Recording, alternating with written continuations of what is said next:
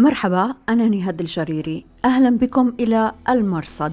في هذا البرنامج نتابع أخبار العالم المظلم من الجهاديين إلى عالم الإنترنت المعتم والجريمة المنظمة. أهلا بكم في راديو وتلفزيون الآن. بودكاست على راديو الآن. أهلا بكم إلى حلقة هذا الأسبوع من المرصد. نغطي فيها الفترة من 4 إلى 10 يوليو 2022 كل عام وأنتم بخير أنا نهاد الجريري إلى العناوين ماذا تكشف تهاني العيد عن جمهور فروع القاعدة واستراتيجيتها؟ اضطراب الأسماء والمصالح إذ تحرر داعش سجناء من غريمتها بوكو حرام وبتفكيك سرية أنصار أبي بكر في إدلب هل قضت هيئة تحرير الشام على النسخة الثانية من حراس الدين؟ وضيفة الأسبوع الأستاذة نسرين الصبيح نعمان صانعة الأفلام الوثائقية الأردنية اليمنية الحاصلة على جوائز دولية عن أفلام مثل وما جاء الفجر وعاصم التي توثق للحياة في أراضي الحوثيين. وبإمكانكم الرجوع إلى نص هذه الحلقة في أخبار الآن دوت نت. بودكاست على راديو الآن. في الأيام الأولى لعيد الأضحى بثت قاعدة اليمن والصومال تسجيلين في المناسبة. الملاحم الذراع الإعلامية للقاعدة في اليمن بثت فيديو من ثلث ساعة تقريبا تحدث فيه القيادي في التنظيم خبيب السوداني إبراهيم القوصي بعنوان إن في ذلك لذكرى. أربعة أمور مهمة في هذه الكلمة. لم يتحدث السوداني في أمور تهم أهل اليمن أو حتى تتصل بالعيد ما قاله اجترار لأحداث فات وقتها. وكما تعلمون فإن أبرز الأحداث الحاصلة في هذا العالم اليوم الحرب الروسية الأوكرانية. لكنه حض على القتل في مسألة الإساءة إلى مقام الرسول الأكرم عليه الصلاة والسلام وأشاد مجددا بالأخوين كواشي وبشيشاني الذي قتل المدرس الفرنسي. لم يذكر السوداني طالبان مرة واحدة وكنا نتوقع حقيقة أن يذكر طالبان على الأقل لأنهم مقبلون على سنويتهم الأولى في سدة الحكم في أفغانستان. السوداني كان مهتما أكثر بهزيمة أمريكا عندما أشاد بالمجاهدين الذين ساهموا في انحسارها من العراق وأفغانستان. إن قرار الانسحاب لا يرتبط بأفغانستان فقط بل هو نهاية حقبة الحملات العسكرية الكبرى. وأخيرا دعا المقاتلين القدامى إلى العودة لحمل السلاح. وشغلوا بعد عودتهم بأمور المعاش وأمور أخرى. أقول لهم بأن المعركة لن تنتهي بعد. أما كلمة القاعدة في الصومال جماعة شباب فكانت محلية خالصة وإن كان التقاطع واضحا في مسألة التعاطي مع طالبان. ومال بركيسن أو كجرت بالبركيسن من ناحية تحدث زعيم الجماعة أبو عبيدة أحمد عمر ديري باللغة المحلية إلى الصوماليين في كلمته لا يستوي الخبيث والطيب تحدث عن الحكومة الصومالية التي اعتبر أنها تعمق آلام الصوماليين الذين يعانون من الجفاف والمجاعة. في المقابل يتحدث عن الولايات الإسلامية التي قدمت نموذجا تقوم فيه بحملة إغاثية واسعة النطاق قدمت فيها الطعام والمياه. ومن ناحية لا يذكر أبو عبيدة طالبان أبدا ولكنه يشير إلى أفغانستان باعتبار الانسحاب الأمريكي من هناك متوعدا القوات الأجنبية التي تعمل إلى جانب الحكومة الصومالية بمصير مشابه. بودكاست على راديو الآن. تبنى داعش اقتحام سجن كوجي قرب العاصمة النيجيرية أبوجا صحيفة النبأ في عددها 346 الصادر الخميس 7 يوليو 2022 ذكرت تفاصيل الهجوم من دون أن تحدد عدد السجناء الذين تم إطلاقهم أو أن تكشف عن هوياتهم.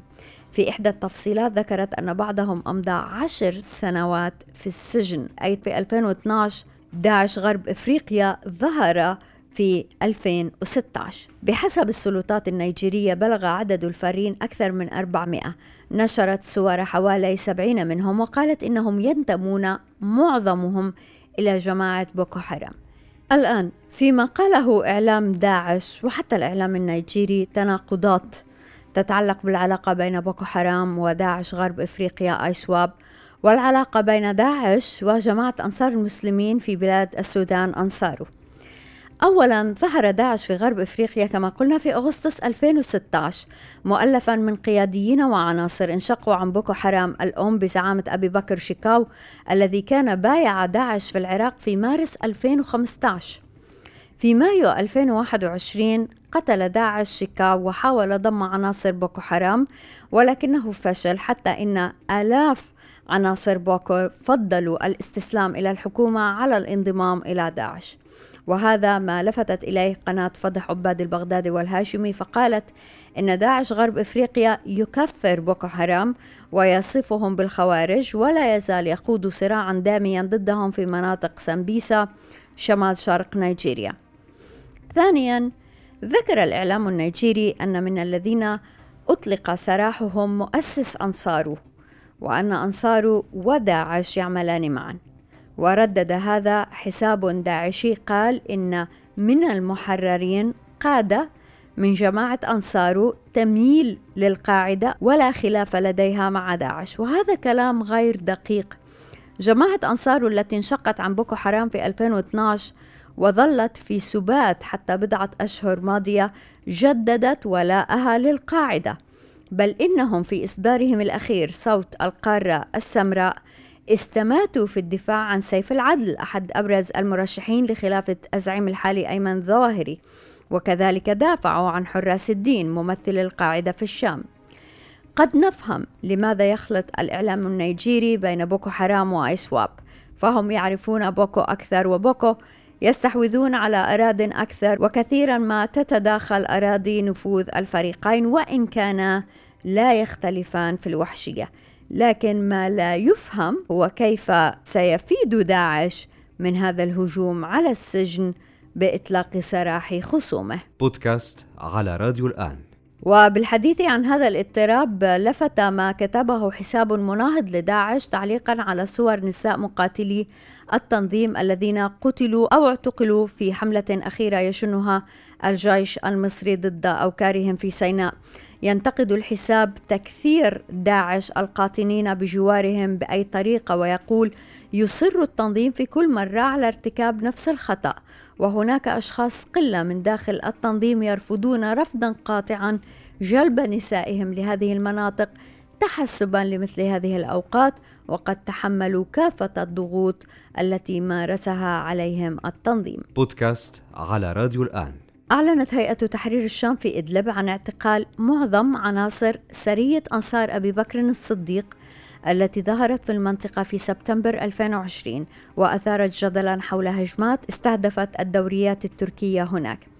ضياء العمر المتحدث باسم جهاز الأمن العام التابع للهيئة وفي بيان مصور وصف هجمات السرية بالإجرامية وفي هذا البيان نتوقف عند النقاط التالية سرد العمر هجمات نسبت إلى هذه السرية بدءا بهجوم قرب معرة مصرين. بالقرب من مدينة معرة مصرين بتاريخ الواحد والعشرين من شهر كانون الأول عام 2020 اللافت أن سرية أنصار أبي بكر أعلنت عن نفسها قبل ذلك بشهرين في سبتمبر 2020 بعد أن نفذت هجوما انتحاريا ضد قاعدة تركية في مدرسة سلة الزهور في جسر الشغور.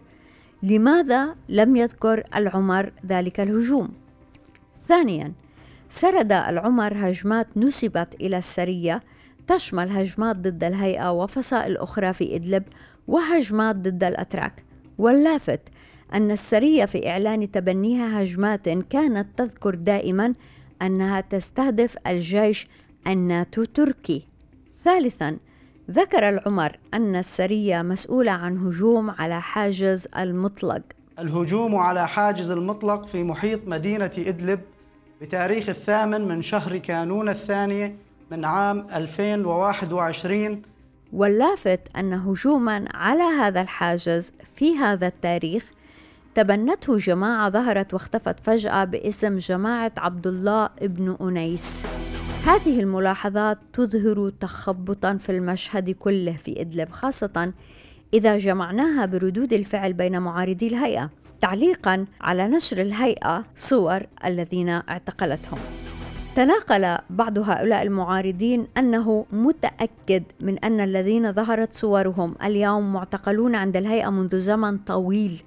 بل قال إن أحدهم أحد المعتقلين معتقل منذ سنة ونصف وأن المساجين في سجون الهيئة يؤكدون أنه عميل للهيئة.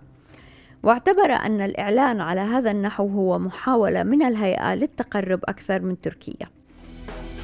لفت تعليق آخر على صورة معتقل آخر. دعا في التعليق أن يفك الله تعالى أسر الأخ حفص المصري أحد الكوادر في تنظيم حراس الدين هكذا جاء في التعليق. فهل كان يشير إلى أن الرجل في الصورة هو أبو حفص هذا الذي هو أحد كوادر حراس الدين؟ ربما. وهذا يقودنا إلى مسألة تبعية السرية وهو أمر كان مثار جدل بين معارضي الهيئة عندما ظهرت في سبتمبر 2020 السرية ظلت تؤكد أنها لا تتبع أي جهة داخلية أو خارجية من دون أن تسمي الحراس أو القاعدة حتى إنها أصدرت بيانا نفت فيه رواية الهيئة التي اعتقلت في أكتوبر 2021 رجلا اسمه أحمد الجاسم قالت إنه كان قياديا في تنظيم الحراس وانتقل إلى السرية. السرية قالت إن الرجل لا يمت لها بالصلة. أثارت السرية جدلا في أوساط معارضي هيئة تحرير الشام آنذاك وإن كان حضورها ظل أقوى بين أنصار القاعدة الذين أنكروا جماعات مشابهة ظهرت في تلك الفترة مثل جماعة أبي جليبيب.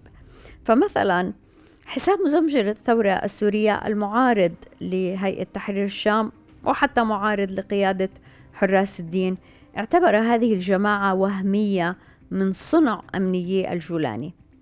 لكن لفت أكثر موقف المحامي عصام خطيب آنذاك الذي ألمح في ذلك الوقت إلى عدم وجود هذه الجماعة وأن المستفيد من هجماتها هو الهيئة. لا مزمجر الثورة ولا عصام خطيب علقا هذه المرة على نبأ اعتقال السرية. بكل الأحوال هذا التخبط في المسميات والأهداف والمواقف يختزل ما يحدث في إدلب. بودكاست على راديو الآن. أهلا بكم دائما في راديو وتلفزيون الآن. نرحب هذا الأسبوع بالأستاذة نسرين الصبيحي نعمان صانعة الأفلام الوثائقية هي أردنية النشأة ويمنية آه، لزواجها من يمني. السيدة نسرين حاصلة على جوائز دولية مثل جائزة مهرجان مدريد عن فيلم وما جاء الفجر وجائزة مهرجان بروكسل عن فيلم عاصم وجوائز أخرى من مؤسسات مرموقة مثل European Cinematography والكنديان Cinematography. شكرا لوجودك معنا أستاذة نسرين. شكرا لك ست نهاد وشكرا على حسن التقديم. شكرا. سيدة نسرين في فيلم عاصم الصادر سنة 2019 وثقتي للمجاعة في مناطق الحوثيين شمال اليمن. صعب هاي المناطق جدا إنه يدخلها أي صحفي. وقلت في مقدمة الفيلم إنك آه، عندما دخلت صعدة شعرت برفض المختلف وأن الموت هناك أهم من الحياة. وكلامك هذا حقيقة يختزل جزء كبير مما نحاول أن نفعله في هذا البرنامج. التطرف هو إرهاب هو موت. ما قصة تلك الكلمات وذلك اللقاء الوجيز في صعدة أستاذ نسرين.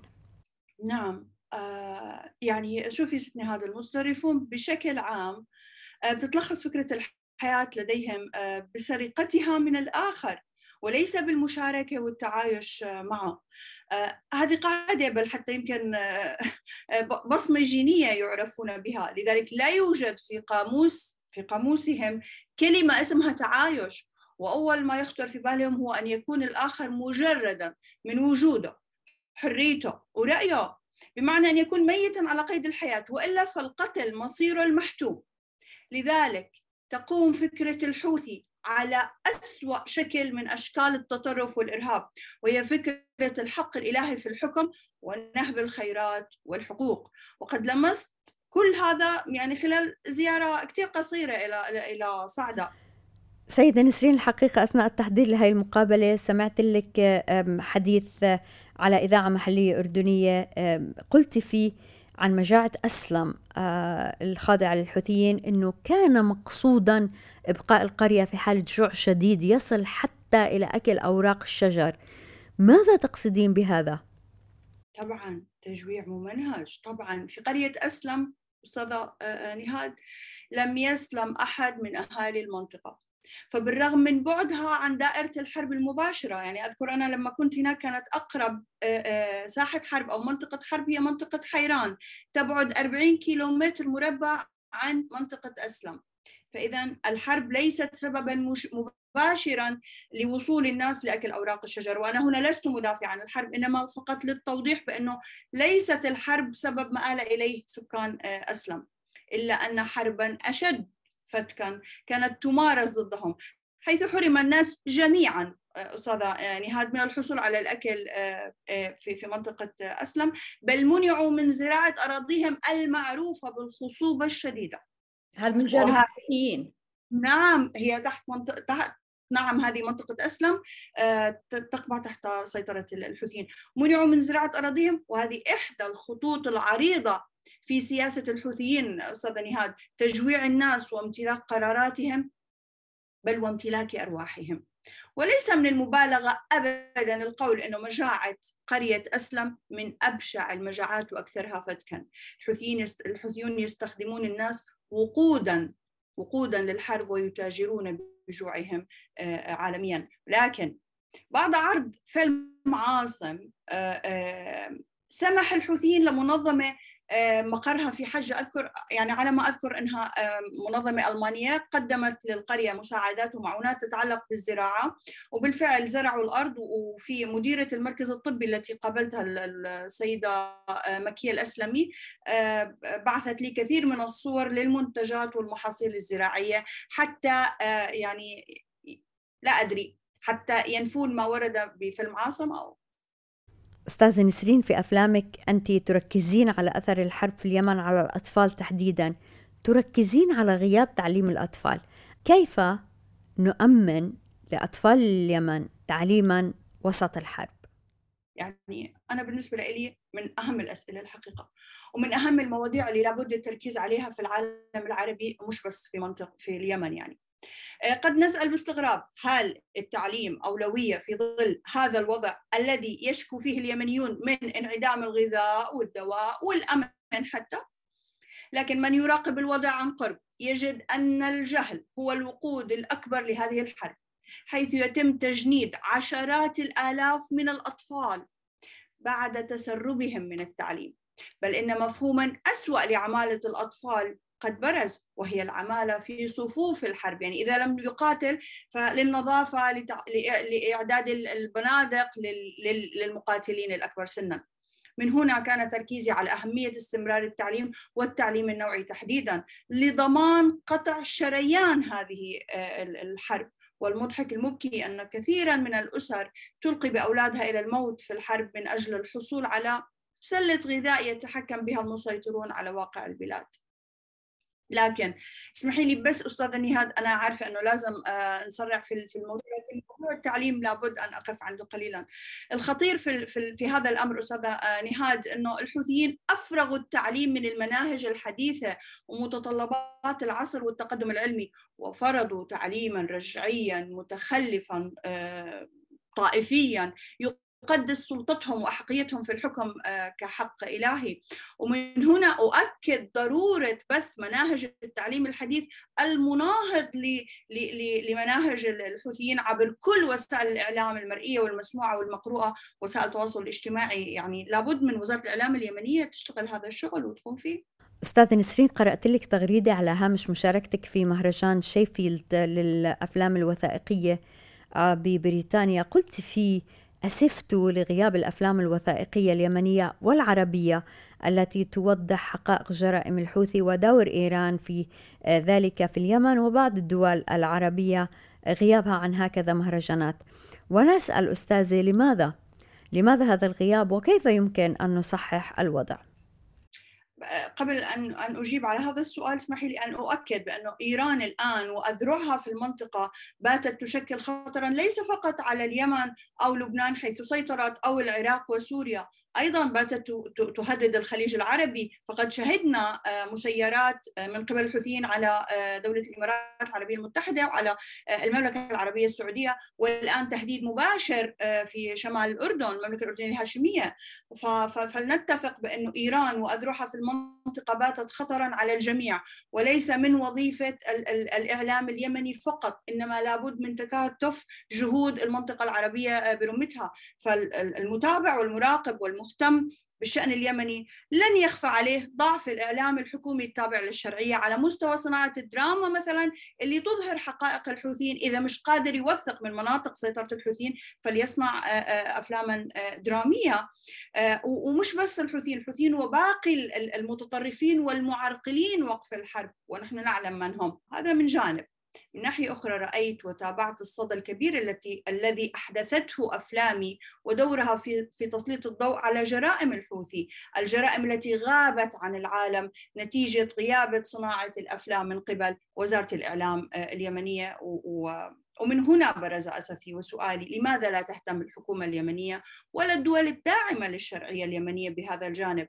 المهم جدا الذي لا يقل أهمية عن مقاومة المد الإيراني عبر ذراعه الحوثي. وبصراحة أقولها مساعدة اليمن ليس فقط بما يقدم من مال للحكومة بل إن الاستفادة من خبرات مثلا مصر.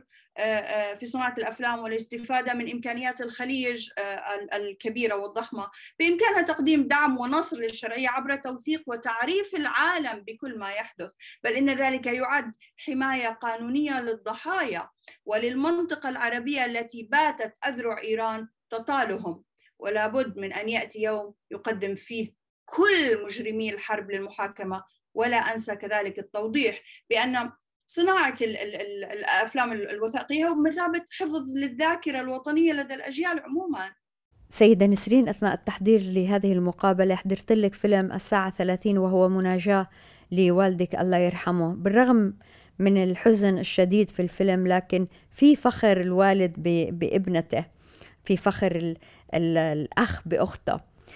شاهدت الفيلم وأنا أتخيل حال المرأة عند الحوثيين وفي مناطق مختلفة يسيطر عليها إرهابيون يسيطر عليها متطرفون ما أفكارك عن هذا الموضوع؟ لماذا الإرهاب إن استحكم يستهدف المرأة أولا؟ العدو الأول للإرهاب والحوثي أحد هذه الجماعات الإرهابية بالإضافة للجماعات الأخرى الإرهابية المدرجة دوليا بأنها جماعات إرهابية آه، هو السلام سو العدو الأول للإرهاب هو السلام. مناخ السلام الذي تشارك المرأة في صناعته بشكل أساسي لذلك فإن المستهدف الأول هو الأسرة والمرأة هي عماد هي العماد والأهم في تكوين هذه الأسرة. هكذا يصوب الإرهاب نحوها آلات الهدم ويتربص بها ولا يجد مدخلا لذلك أكثر تأثيرا من مدخل الدين والعادات والتقاليد. فنراه يكرس ثقافة الحرام والعيب والعورة والتجهيل الممنهج أيضا ليفرض سيطرته عليها وعلى المجتمع. يعني شوفي ست نهاد إذا ما دققنا النظر في كل السياسات الإرهابيين والجماعات المتطرفة مثل الحوثيين وغيرهم أو طالبان وغيرهم وداعش وكثير من الجماعات التي تفرقت من هذه الجماعات آه، آه، سنجد أنه يستهدف التمكين الاقتصادي للمرأة فيضيق عليها خناق العمل مثلا تبقى مجرد ضحية وفريسة تابعة له. كذلك يحرمها من التعليم آه، بطرق شتى. أحد الطرق مثلا زواج زواجها وهي صغيرة حيث تجد نفسها في دوامة مسؤولية العمل كربة بيت مضطهدة وخانعة وخاضعة لا أكثر. وهناك نقطة آه، آه، يعني أكثر بتصور إنها أكثر خطورة. وهي توريط المرأة في الحرب كأداة مباشرة للحشد وللعمل المضاد للمعارضين. آه، من الأساليب القذرة التي تقوض وجود المرأة وتهز ثقتها بنفسها وليس وضع الزينبيات عنا يعني ببعيد. أكيد حضرتك سمعتي عن الزينبيات اللي اختلقهم الحوثي أو كونهم الحوثي. آه، والزينبيات هنا يعني نساء تابعه للتابعين للحوثي. آه، يقمن بعمل مداهمات للبيوت وتنفيذ اعتداءات على الحياة العامة بشكل خاص على النساء أقصد. أنا أنا ست نهاد شهدت خلال زياراتي إلى اليمن وتحديدا الريف اليمني على وجه الخصوص انواعا كثيرة من العنف الممارس ضد المرأة. مثلا فيلم الوثائقي اللي هو عاصم وثق عديد من النساء اللواتي لا يعرفن تاريخ ميلادهن. أيضا إجبارها على الإنجاب وإن كذا وإن كان ذلك يهدد صحتها. التعامل معها كأداة للإنجاب كأداة. لا تستطيع عفوا أخذ موانع للحمل تحت تهديد الرجل بطلاقها أو الزواج بغيرها. تجهيل المرأة يعني صحيا وغذائيا وبكل الوسائل. أستاذ نسرين فيلمك الجاي رح يكون عن الإسلاموفوبيا. بعرفش لأي درجة ممكن تحكي لنا عنه؟ أم أم الآن أنا في في في في نهايات عرض فيلم اسمه خديعة الخيام قبل الإسلاموفوبيا. بيتكلم عن التهجير القسري من قبل الحوثيين لبعض المخيمات وأيضا يعني تسويقها للعالم على أنها افرازات حرب وأيضا مخيمات في المناطق التابعة لسيطرة الحوثي وهي تابعة لسيطرة الشرعية عفوا وهي ليست بأفضل حالا. لأن فور على سبيل المثال في تعز يعني السيطرة معروف لمن على الأرض فهم المتحكمين في أحوال الناس وبالتالي المخيمات أكثر بؤسا ربما من حال المخيمات في مناطق سيطرة الحوثي. هذا الفيلم القادم. والفيلم الذي أعد بالتعاون مع جامعة ليدز البريطانية هو فيلم عن الإسلاموفوبيا. آه، وسنتناول يعني أو آه، أنهيت الجزء المتعلق بالجماعات الإسلامية سواء السلفية والسلفية المتشددة الإخوان المسلمين. الهدف منه يعني ميتيجيت يعني نحاول القضاء على مثل هذه الظاهرة. وللعلم يعني الجماعات الإسلامية تتشبث بهذا المصطلح. آه، آه، لأنه تسوق من خلاله أفكارها آه، وتتباكى من خلال هذا المصطلح. فإحنا بهذا الفيلم يعني نرغب بأنه نقلل أو, أو نحاول القضاء على مثل هذه الظاهرة. السيدة نسرين الصبيحي نعمان شكرا جزيلا لك. شكرا لك ست نهاد. شكرا شكرا جزيلا شكرا. وشكرا جزيلا لوجودكم معنا في راديو وتلفزيون الآن. أنا نهاد الجريري مع السلامة. بودكاست على راديو الآن.